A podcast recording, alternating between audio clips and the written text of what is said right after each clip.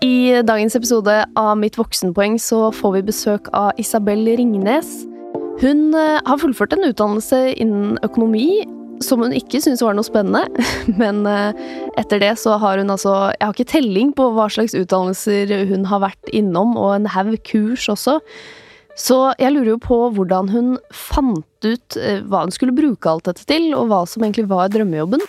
Og hvorfor hun gadd å fullføre en eh, grad eh, hun ikke syns var noe spennende. Det er bare noe av det vi skal snakke med Isabel om i dag. Velkommen til eh, studio, Isabel Ringnes. Tusen hjertelig takk, Nora. Vi skal kjøre deg på et par sånn kjappe spørsmål før vi setter i gang med praten. Er du klar for det? Det er jeg veldig, veldig klar for. da begynner vi med når kjøpte du din første bolig, og hvor var den, og hvordan kjøpte du den? Jeg kjøpte min første bolig når jeg var 19 eller 20. Jeg husker ikke eksakt. Um, og eh, jeg fikk hjelp av mine foreldre til å kjøpe min første bolig. Uh, og den var på Frogner, uh, og jeg leide ut et soverom da til uh, en venninne. Hyggelig. Ja, og der hyggelig. bodde du ganske lenge, eller? Ja, jeg bodde der i mine BI-år. Og så leide jeg den ut når jeg flytta til USA. Stemmer vel? Ja. Det er riktig. Eh, hva er den beste investeringen du har gjort? Utdannelsen min. Utvilsomt. Det er den ene tingen ingen kan ta fra deg. Uh, og jeg har jo investert mye tid i utdannelse. Uh, og de Ja, kunnskap er Kunnskap er det ene som ikke synker i verdi. Og det er jo Jeg tror det er tradisjonelt sagt kunnskap er makt. Hva er det smarteste du har gjort i karrieren din? Nå kan du ikke svare utdannelse. Nei, men det er jo litt det òg. Men uh, det smarteste jeg har gjort i karrieren min, er nok å stresse litt mindre med karrieren min. Uh, det kom vel uh, som et ledd i at man får mer erfaring. så føler man seg litt mer sikker på seg selv. Man er ofte veldig usikker i begynnelsen av karrieren sin. Så det å stresse litt ned. Og så tror jeg at det å komme over sceneskrekken min hjalp ganske mye på å ja, få litt sånn fart på de ulike initiativene som jeg har holdt på med. Skjønte at det å få med seg folk krever at du klarer å kommunisere de på en måte, eller kommunisere på en måte som, som motiverer. Men hvordan kom du over sceneskrekken, da? Tvang meg selv til det. Øvde en hel masse. Hvis du øver nok, så, så vet du så godt hva du skal si at du ikke lar nervene ta deg fordi du går på autopilot. Hmm. Noen bra tips, eh, mm. bra tips der i starten, men eh, som du var litt inne på, eh, med å ikke stresse i karrieren, det er jo litt av det vi skal snakke om i dag.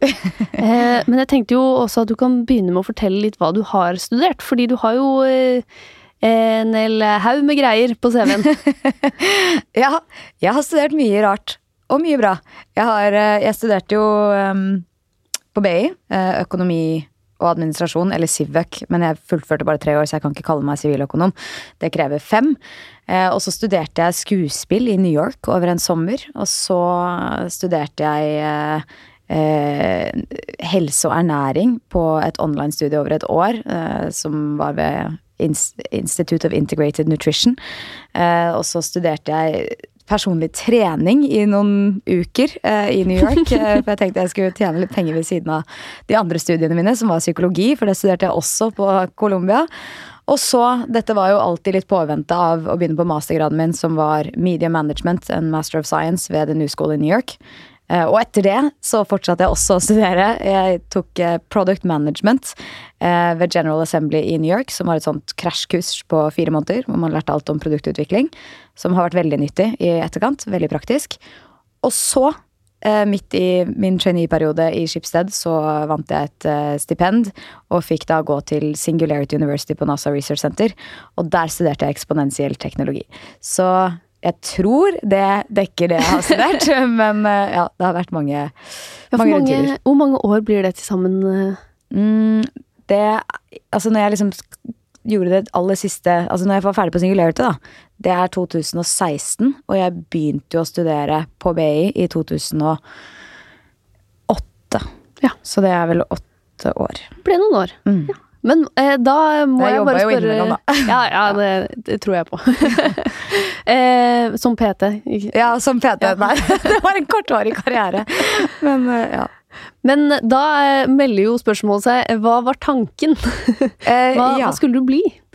Jeg visste jo ikke helt hva jeg skulle bli, og det er nok en del av årsaken til at jeg har studert så mye rart. Jeg tenkte at Altså, jeg har alltid vært interessert i mye, og tenkte at den beste måten å finne ut av om det er det jeg vil bli eller ikke, er å prøve.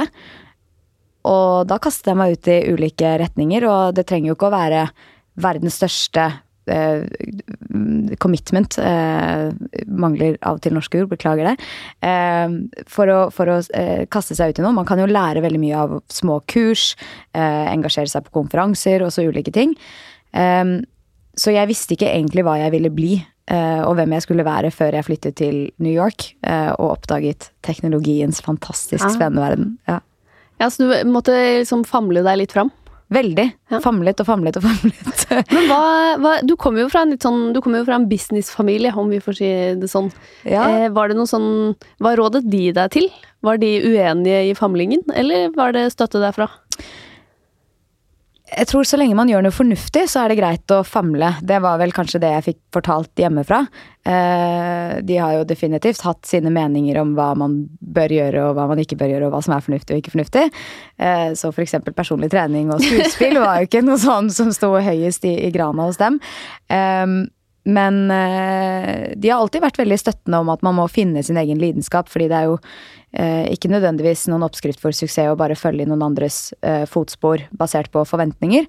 Man gjør det som regel best når man gjør noe som man selv brenner for, og som man er flink på. Og det tar det jo gjerne litt tid å finne ut av. Det er ikke alle som er så heldige at de bare blir født med en lidenskap og vet nøyaktig hva de skal gjøre fra dag én. Det krever som oftest at man prøver å feile litt. Um, så ja, de ga veldig mange gode råd. Rådene var at jeg skulle studere noe som var ganske generelt, i og med at jeg ikke visste hva jeg skulle bli, så da var jo økonomi et naturlig valg å anbefale.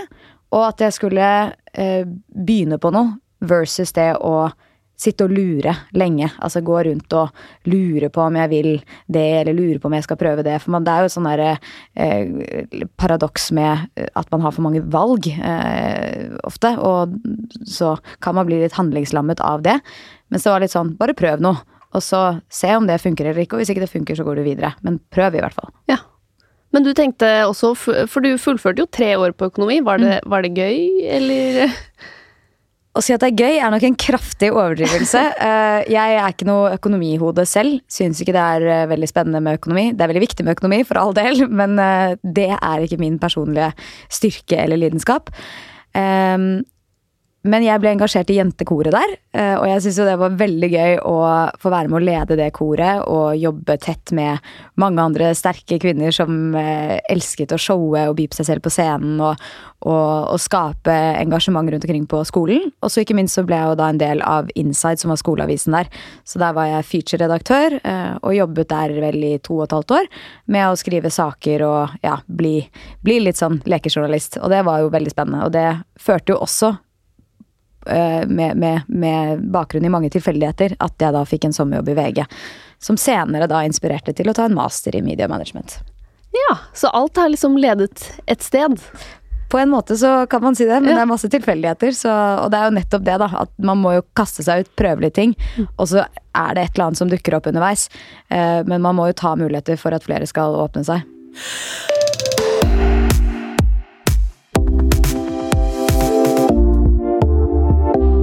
Nevnte den eh, interessen for teknologi. Eh, er du en sånn koder, eller eh, hvor- kom den interessen fra? Nei, jeg er dessverre ikke en koder. Jeg skulle gjerne ønske at jeg hadde da tatt eh, informatikk istedenfor økonomi. Jeg tror jeg hadde syntes det var vesentlig mer interessant. Men eh, skolen jeg tok i New York, eh, media management, var veldig eh, digitaliseringsfokusert eh, og hadde mange teknologifag i seg. Um, og det var vel der liksom interessen for teknologi ble vekket. Ikke nødvendigvis altså, ko, altså Teknologi er så mye, uh, og det er kanskje feil å kalle det teknologi, men å kalle det liksom digitalisering av en hel verden uh, er kanskje rettere i forhold til å beskrive min lidenskap. For det er jo ikke liksom noder og algoritmer som gjør at jeg bare wow, men det er liksom den fantastiske muligheten som teknologi har til å forbedre samfunnet, til å løse helt vanvittig komplekse problemer, til å, til å koble oss sammen, til å effektivisere oss. Eh, og det er på en måte en verden som, som åpner seg i vår livstid. Det her har jo begynt å skje fra liksom 1980, eh, før det også, men sånn virkelig for, for, for deg og meg og Gud og hvermann, eh, så har jo på en måte teknologi blitt en del, og en større del, og stadig større del, av hverdagen vår. Og den forandrer jo liksom alt. Hvis vi ser tilbake 20 år siden, så vi levde et veldig annet liv. Til det bedre og til det verre, men stort sett til det bedre, da. Og det syns jeg er spennende, og det vil jeg være med og forme. Ja, og det har du jo greid ved å bli gründer, rett og slett, men du har jo også jobbet veldig mye med teknologi og ledelse og business etter hvert. Men eh, du har jo gjort det ut fra et perspektiv eh, og en utdannelse som ikke er sånn rent teknisk. Eh, har du noen sånne tanker om hva som er karrieremulighetene innenfor det? For du har jo på en måte skapt din egen arbeidsplass, men for andre som ikke har lyst til å nødvendigvis kode, men som vil ha en trygg jobb innenfor teknologi, da, for det er jo tross alt et ganske trygt område å kunne om. Mm. Hva, hva, kan man egentlig gjøre? Jeg tror det er ganske mange som sitter i teknologibedrifter i dag som ikke koder. Eh, kanskje til og med flere eh, som sitter i de fleste og største teknologibedriftene i dag som ikke er utviklere. Eh, uten at jeg har fakta på det her og nå. Eh, men det er jo enormt mye man kan gjøre med en forståelse for teknologi og en forståelse for eh, hvordan ting kan digitaliseres.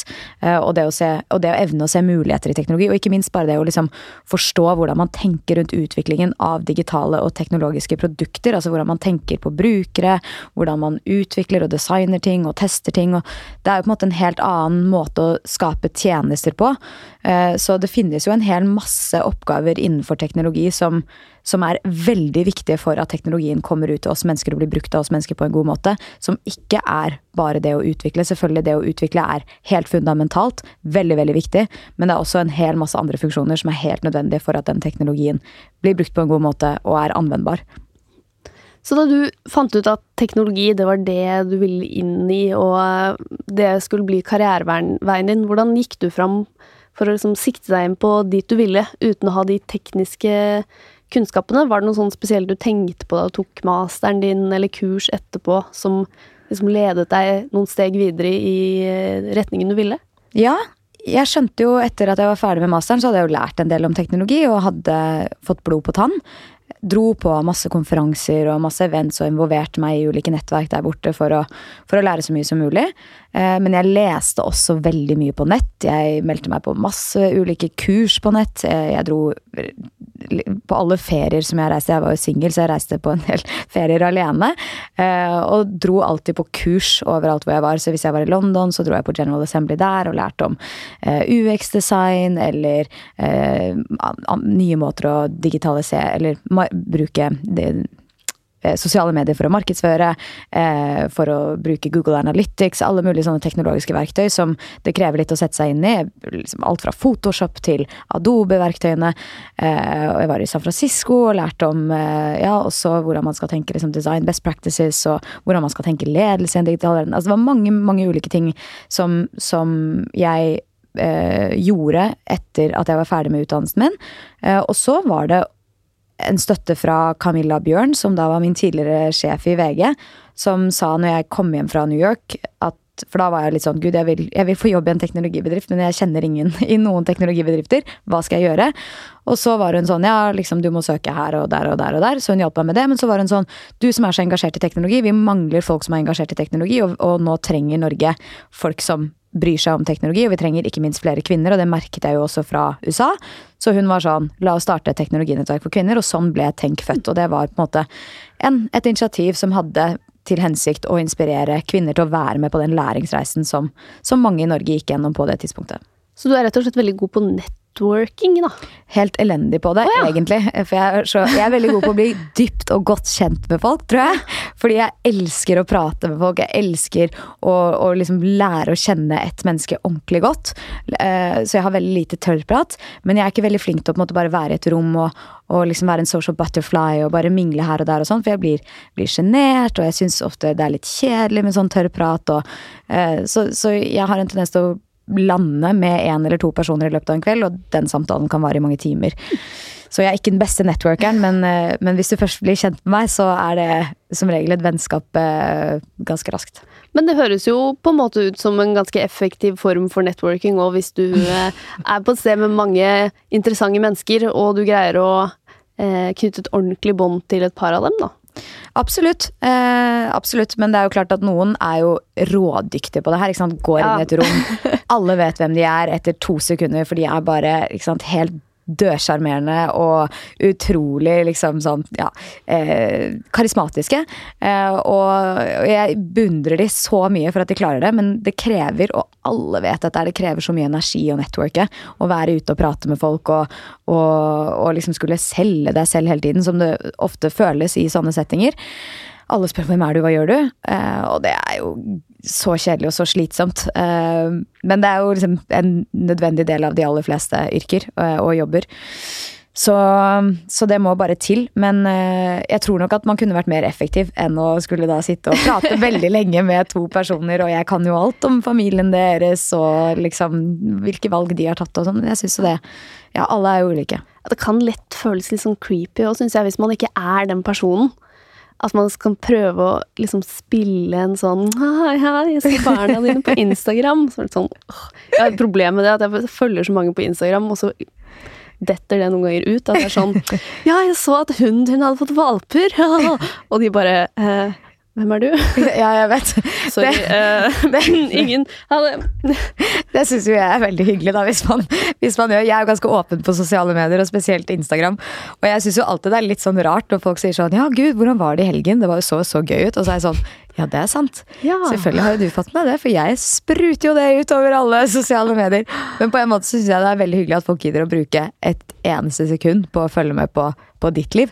Det er jo bare veldig ja, hyggelig, egentlig. Absolutt. Når man først legger det der ute, da. Ja. Men eh, til eh, Altså, eh, hvis du ikke er sånn som eh, går rundt og snakker med alle om eh, barna deres og valpene deres osv., så, videre, så har du i hvert fall vært liksom ganske synlig når du drar på forskjellige ting, da. Har du sånn tips til hvordan man på en måte finner ut av sånne steder som kan være nyttig å dra hvis man er interessert i et spesielt felt som man vil inn på? For Du nevnte jo at du har vært på kurs eh, og forskjellige sånn samlinger eh, forskjellige steder. Hvor, hvor, finner du dem, på en måte? On Google. det er ikke verre enn det, altså. Jeg bare googlet. Eh, og så, hvis det ikke fantes, så eh, skapte jeg det selv. Ja. Nei da, altså litt. Jeg, lagde jo en del arrangementer eh, i, i, Oslo eh, en periode. Eh, som omhandlet temaer som jeg syntes var interessant, da, gjerne i samarbeid med andre bedrifter, som spesielt har omhandlet teknologi og kvinner i teknologi og spennende ting innenfor den verden. Men nå er det jo masse av det. Så for tre-fire år siden så var det ikke det. Det var mye vanskeligere å finne den typen fora da. Nå er det buldrer over av konferanser og ulike kurs man kan gå på. Så det er bare å gå på Facebook eller på Google, og så finner du det der. Vil jeg si. Men en, av, en fordel i forhold til det med du snakket med nettverking, da, du, eh, i og med at jeg da holdt dette ene foredraget på Skipsted, eh, som da plutselig ledet til så mange andre foredrag. Nettopp fordi jeg hadde øvd meg i hjel, så det ble jo ikke så verst, det foredraget. Eh, og jeg sov jo ikke på tre uker, liksom. Jeg gruet meg så mye. Men det gjorde jo også at måte, jeg fikk eh, Ble invitert i ulike spennende foraer som, som førte til eh, flere typer ting som man kunne dra på. Så jeg lærte jo ganske mye av den prosessen også, så det er ikke for alle, men eh, igjen så sa jeg hva er det smarteste du har gjort i karrieren din? Det å lære seg å komme over den sceneskrekken. Ja. Og lære seg å, å, kunne bidra med noe nyttig inn i et forum. Altså tilegne seg kunnskap og så finne en måte å presentere den kunnskapen til andre på en forståelig og, og engasjerende måte.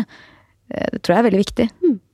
Ja, så nevnte du også det at eh, en av de faktorene var jo også at du snakket med en tidligere sjef. Det er jo også noe som ofte sitter litt langt inne, å bare ta kontakt med noen som faktisk er i nettverket ditt, da, uansett hvor stort det er. Mm. er. Er det noe du er god på? Å bare liksom ta opp telefonen og spørre folk? Nei, jeg er som mange redd for å be om hjelp og være til bry altfor redd for det, egentlig. Eh, men så har jeg vært og jobbet med andre mennesker som ikke er redde for det i det hele tatt, så jeg er blitt bedre på det. Eh, for det er veldig mange som er superflinke på å bare ta opp den telefonen eller sende den meldingen og be om en tjeneste eller drrrr.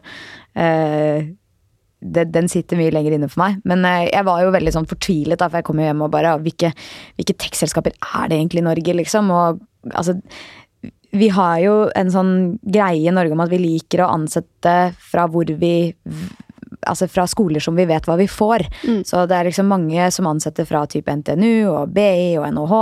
Og så kommer du plutselig fra en skole som The New School in New York, hvor alle er litt sånn Vet ikke hva, hva du har lært deg, vet ikke hvem du er, vet ikke hva du kan. Følte ikke at folk var veldig kine på å ta en sjanse. Eh, og ja, var vel litt sånn Hvor skal jeg egentlig begynne? Og da slo det meg at Camilla er en kul, kul dame. Jeg spør henne hva hun tenker. Og hun leverte, og hun har vært en veldig god støttespiller egentlig til eh, den dag i dag.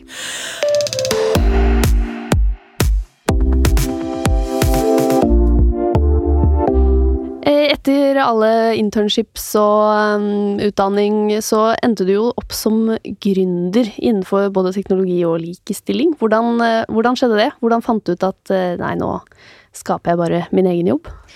Igjen mange ulike grunner til at det skjedde. Eh, kombinasjon av at eh, jeg tror jeg har gründergenet i meg fra, fra tidligere generasjoner. Veldig glad i å, å Ja. Eh, det er spennende å skape ting selv. Og så var jeg på noe som heter Singularity University, som jeg så vidt nevnte. Og der lærer du mye om den muligheten du har til å påvirke verden, og liksom Du lærer mye om det å starte noe, etablere noe, se muligheter i teknologi og osv. Og, og så jobba jeg jo i Skipsted og syntes at det var helt fantastisk spennende. Men jeg kjente også at jeg hadde lyst til å gjøre mer, eh, og jeg var ikke helt 100% sikker på hva det skulle være. Men det er jo ofte sånn at man forsvinner jo litt sånn et stort system, og ofte så føler man ikke nødvendigvis at det arbeidet man legger ned, nødvendigvis går eller overføres direkte til resultater. I gründertilværelsen så er det veldig sånn antall tid eh, og energi som du legger inn, det ser du veldig klart på andre siden hva blir til. Så det appellerte til meg, eh, og ikke minst så var jeg veldig klar over at jeg vil ikke bare starte noe for å starte noe. Jeg tror du må du må, bør i hvert fall, forstå problemet du prøver å løse, og ikke minst være lidenskapelig opptatt av at du vil løse det. Det er det som kommer til å få deg til å stå opp og fortsette å gidde å jobbe med ideen, fordi for all del, gründertilværelsen er ikke noen dans på roser. Ja, du har mer frihet. Eh, Ja, du har noe mer fleksibilitet, men det er også langt mindre av begge de to tingene. Du må være på hele tiden. Eh, Du har den fleksibiliteten i at du kan på en måte styre litt mer hvordan selskapet skal føres videre, men på, du må ta veldig tøffe avgjørelser også. Eh, Og eh, du har ikke noe trygge rammer rundt deg i et selskap. Det er ikke noe sånn som at når man jobber i en større bedrift, og du har folk som tar vare på deg, og du har lederutvikling, og du har eh, altså eh, jobbfester og ferieturer og alt mulig gøy. Det mangler man jo litt i en gründerbedrift, i hvert fall i starten. Vi har ikke vært så flinke på å skape det enda, men kanskje etter hvert. Um, så ja, jeg tror at jeg bare mm, det, var, eh, det føltes helt naturlig å gå den veien. Og så vet jeg ikke om jeg kommer til å være gründer resten av livet, men jeg tror det. Så var det noe Altså, ideen dukket opp, og da ble det umulig å ikke gjøre det? Var det det? Det var ikke nødvendigvis at ideen dukket opp, det var at vi jobbet med problemet veldig lenge. Vi jobbet med uh, ubevisst diskriminering og kjønnsstereotypier. Vi har jo jobbet med det siden 2015, og har etter hvert bygget opp en, en standing og en merkevare, og, og i det nøstet masse, masse, masse erfaring eh, og masse kunnskap om, om problemet. Og etter hvert som man forstår problemet bedre og bedre, og kommer mer og mer ned i materien, så begynner liksom løsningene å liksom dukke litt sånn opp foran deg, hvor du ser mulighetene i alt det som, som popper opp av problemer. Ehm, og med det så tok det kanskje et år da, før ideen i Quality Check virkelig var liksom ferdigsatt, og vi visste, visste at det var det vi skulle gjøre, og det er det vi skulle bygge, og, det er, og den er jo aldri helt ferdig. Den kommer jo til å utvikles og optimaliseres i mange, mange, mange år til. Men eh, det var ikke sånn Oi, den ideen, det gjør vi. Det var mer Det er en prosess, Ja. og den eh, jobbes med hele tiden. Så jeg hadde, kunne aldri sett for meg at vi hadde vært der vi er i dag for to år siden.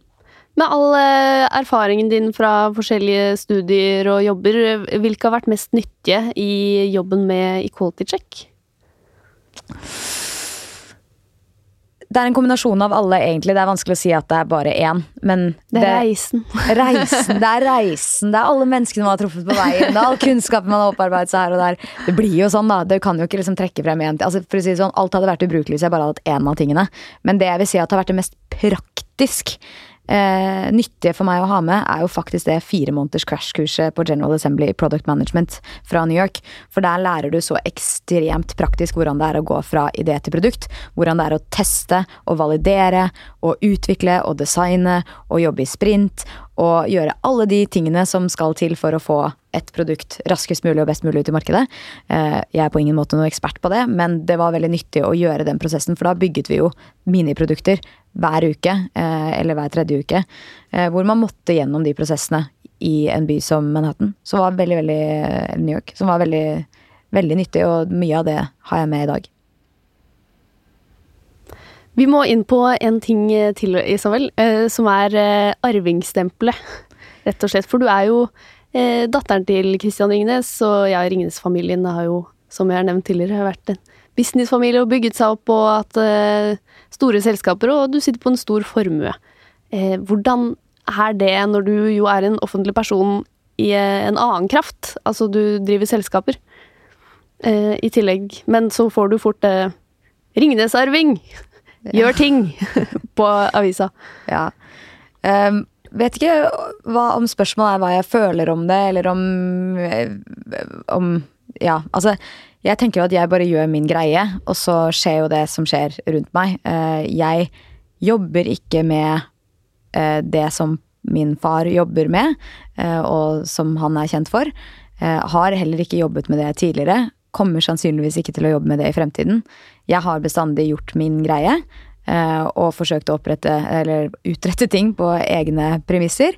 Og har vært veldig atskilt fra han sånn sett. Det er klart vi har jobbet tett sammen i forhold til å Altså jeg har fått mye gode karriereråd av han, og vi, vi har jo en sånn dialog på, på, hvordan det er å bygge et selskap. For det deler vi jo. Men vi gjør jo helt ulike ting. Mm. Så jeg kan jo synes det er litt irriterende noen ganger når jeg har f.eks. en teknologileir for 300 unge jenter, og temaet er disse skal lære seg å kode, disse skal lære seg å forme fremtiden med sine egne hender og overskriften er Ringnes-arving et eller annet eh, med pappa, hvor han har ingenting med den teknologilæreren å gjøre. Kan ingenting om teknologi.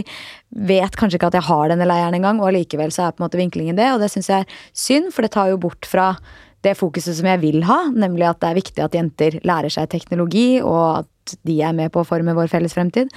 Så det er jo det som irriterer meg uh, med det. Men det er klart, sånn er det. Altså, jeg sier ikke at man ikke kan forandre det, men jeg brenner ikke så mye for det at jeg, ikke, at jeg gidder å gå i tog for det.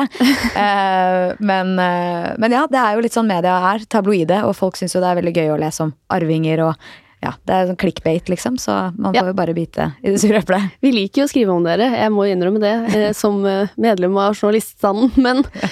men er det, får du noen kommentarer? Er det noen som på en måte ikke unner deg eh, suksessen, da, eller tenker at karrieren din har kommet fra at du kommer fra en kjent familie, eller at du sitter på en formue? Eh, ja, det er det helt sikkert. Eh, og Altså, jeg har jo på en måte Jeg har jo gjort det på egen hånd. Jeg har fått hjelp og støtte til å få utdannelsen min, selvfølgelig. Og det er jo det beste jeg noensinne har fått, og jeg er veldig takknemlig for det. Um, men det er jo klart at det er jo ikke Det er jo ikke min bakgrunn så forstand som har gjort at jeg har tatt de valgene jeg har gjort. Uh, så folk må jo mene og føle det de vil. Ehm, jeg kan ikke forandre hva folk tenker om meg, og jeg er egentlig ikke så interessert i det heller. Jeg tenker at energien min er bedre brukt på å få til de tingene som jeg tror er bra for samfunnet, eh, uten å være for opptatt av hva andre mennesker tenker om at jeg gjør det ene, eller om jeg fortjener det eller ikke. Altså, det blir på en måte litt selvsentrert å tenke sånn, eh, så det er ikke det er ikke noe jeg mister søvn over. Nei. Altså, det er ikke noe som har hindret deg, på en måte. Det er ingen det er ikke sånn at du blir avskrevet som enda en det blir jeg helt sikkert. Uten at, eh, uten at, jeg kanskje vet det alltid. Men ja, selvfølgelig. Man møter jo fordommer. Og folk tror at du har fått alt og liksom Men da er det jo bare å bevise det motsatt. Du må jo jobbe på eh, og vise at eh, det ikke er slik. Altså, du evner å få til ting selv, og du jobber hardt, og eh, du, du, stiller opp og leverer. Det tror jeg kreves av oss alle. Um, så, og så opplever jeg jo stort sett at folk har åpne sinn. Så, så ja. Folk, folk som har åpne sinn, får det beste ut av folk generelt. Men har det vært noen positive effekter, da? At man har Altså i hvert fall som gründer så tenker jeg at det kan være en fordel at man har et kjent navn, eller at uh, man kan tillegge deg noen positive egenskaper òg, som at du har et støttesystem, eller uh, Ja. Et eller annet man tilskriver deg uh, uten å kjenne deg, da. Eller at du har et navn å bygge opp noe fra. Ja, helt garantert. Det er sikkert mange som, uten at jeg kan vite det 100% sikkert, så er det sikkert mange som har tatt det møtet uh, fordi at de kjenner igjen navnet. Eh, og vi har jo eh, sendt enormt mange cold emails til ulike bedrifter. Eh, så nettverket har jeg jo bygget opp selv ved å være foredragsholder på hundrevis av konferanser, eh, ved å starte ulike initiativer, eh, ved å bidra på mange ulike initiativer fra andre typer selskaper og bedrifter, og, og til og med mediehus. Var med på det nye Norge med 24 i sin tid. Um, så det er jo på en måte bygget opp selv, og så vet man jo aldri hvorfor folk tar det møtet når de ikke kjenner deg, om de syns produktet er spennende, eller om de syns navnet ditt er spennende, eller om de har sett deg på en scene. Du vet jo aldri. Um, men av det jeg kanskje kan ha fått eh, positivt fra å ha den bakgrunnen jeg har, syns jeg at det er veldig eh, bra. Altså det er jo verdifullt. Setter pris på det. Eh, og jeg har jo helt garantert hatt mange fordeler av det. Um, så jeg er bare takknemlig, egentlig. Ja. Du, du, jobber jo, da, så det, jeg tenker, det kan jo være eh, et signal, i hvert fall. At, for du hadde jo ikke trengt å jobbe. Kunne jo ligget på en strand et sted, men du vil jo jobbe.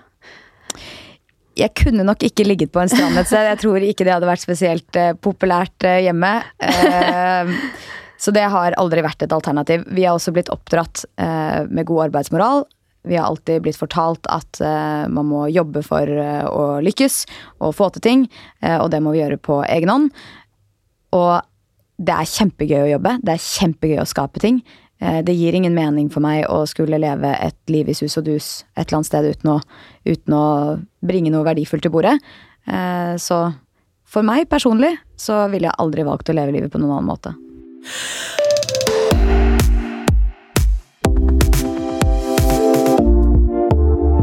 Jeg har et uh, siste spørsmål til deg, Isabel. Hvis du kunne gått tilbake og gitt deg selv ett råd da du var 20 år gammel, mm. hva ville du sagt? Lær så mye du overhodet kan. Livslang læring. Og ikke tro at når du har lært noe, så er du ferdig med å lære. Du skal lære resten av livet ditt. Og det jeg også ville sagt, som jeg kanskje kunne oppdaget med fordel litt tidligere, er at du må lære Altså, det, det, er en sånn Jeg ser for meg tre sirkler i hodet mitt. Hvor den ene sirkelen er hva er det du er innmari god på å gjøre? Den andre sirkelen er hva er det du elsker å gjøre? Altså lidenskapen din. Og hva er det du kan tjene penger på? Og i det derre lille møtepunktet mellom de tre sirklene i midten her, det er det du skal drive med. Eh, jeg tror jeg gjorde veldig mye i alle de andre sirklene som ikke nødvendigvis innfattet alle tre, og de, de, må være der. Så hvis jeg kunne tenkt på det litt tidligere, så tror jeg nok at jeg hadde kommet raskere i gang. Jeg skal prøve å oppsummere litt eh, hva vi har kunnet lære av din eh, karriere, Isabel. Men eh, det blir jo å si ja til muligheter når de dukker opp, rett og slett. Og ikke være redd for å gå på trynet. Og så blir det å lære så mye du kan, og ikke stresse med akkurat hva du skal bli, men ja, plukke opp litt ny kunnskap og eh, på den måten finne ut hva du egentlig vil drive med, da, framfor å sitte og vente på at en lidenskap bare skal falle i fanget ditt, ordner seg mens du holder på. Og så syns jeg også at det er interessant at du har greid å bygge et nettverk uten å være en networker. Det er jo hyggelig for alle oss eh, andre som eh, liker å sitte og stalke på Insta, men syns det er slitsomt eh, og skulle være en sånn 'hallo'. Men du har rett og slett bare dratt veldig mange steder og vært med på ting og googlet deg fram til spennende ting. Det er jo noe man eh, sikkert kan ta mye lærdom av. Bare dukke opp på steder uten at du trenger å være superutadvendt. Du kan sette deg i en krok som Isabel og bli skikkelig godt kjent med et par personer. funker også. Veldig, veldig godt oppsummert. Tusen takk for at du eh, kom, Isabel. Tusen hjertelig takk for at jeg fikk komme. Hvis du har eh, lyst til å se mer innhold fra Voksenpoeng, så er vi altså på Instagram under navnet Voksenpoeng med Nora. Der kan du jo gjøre alt mulig, fra å kommentere hva du syns om podden, til eh, ja, å sende inn hva du syns vi skal ta opp videre i podden. Så følg oss der. Og produsent for dagens episode, det var Kristine Masdal Odne.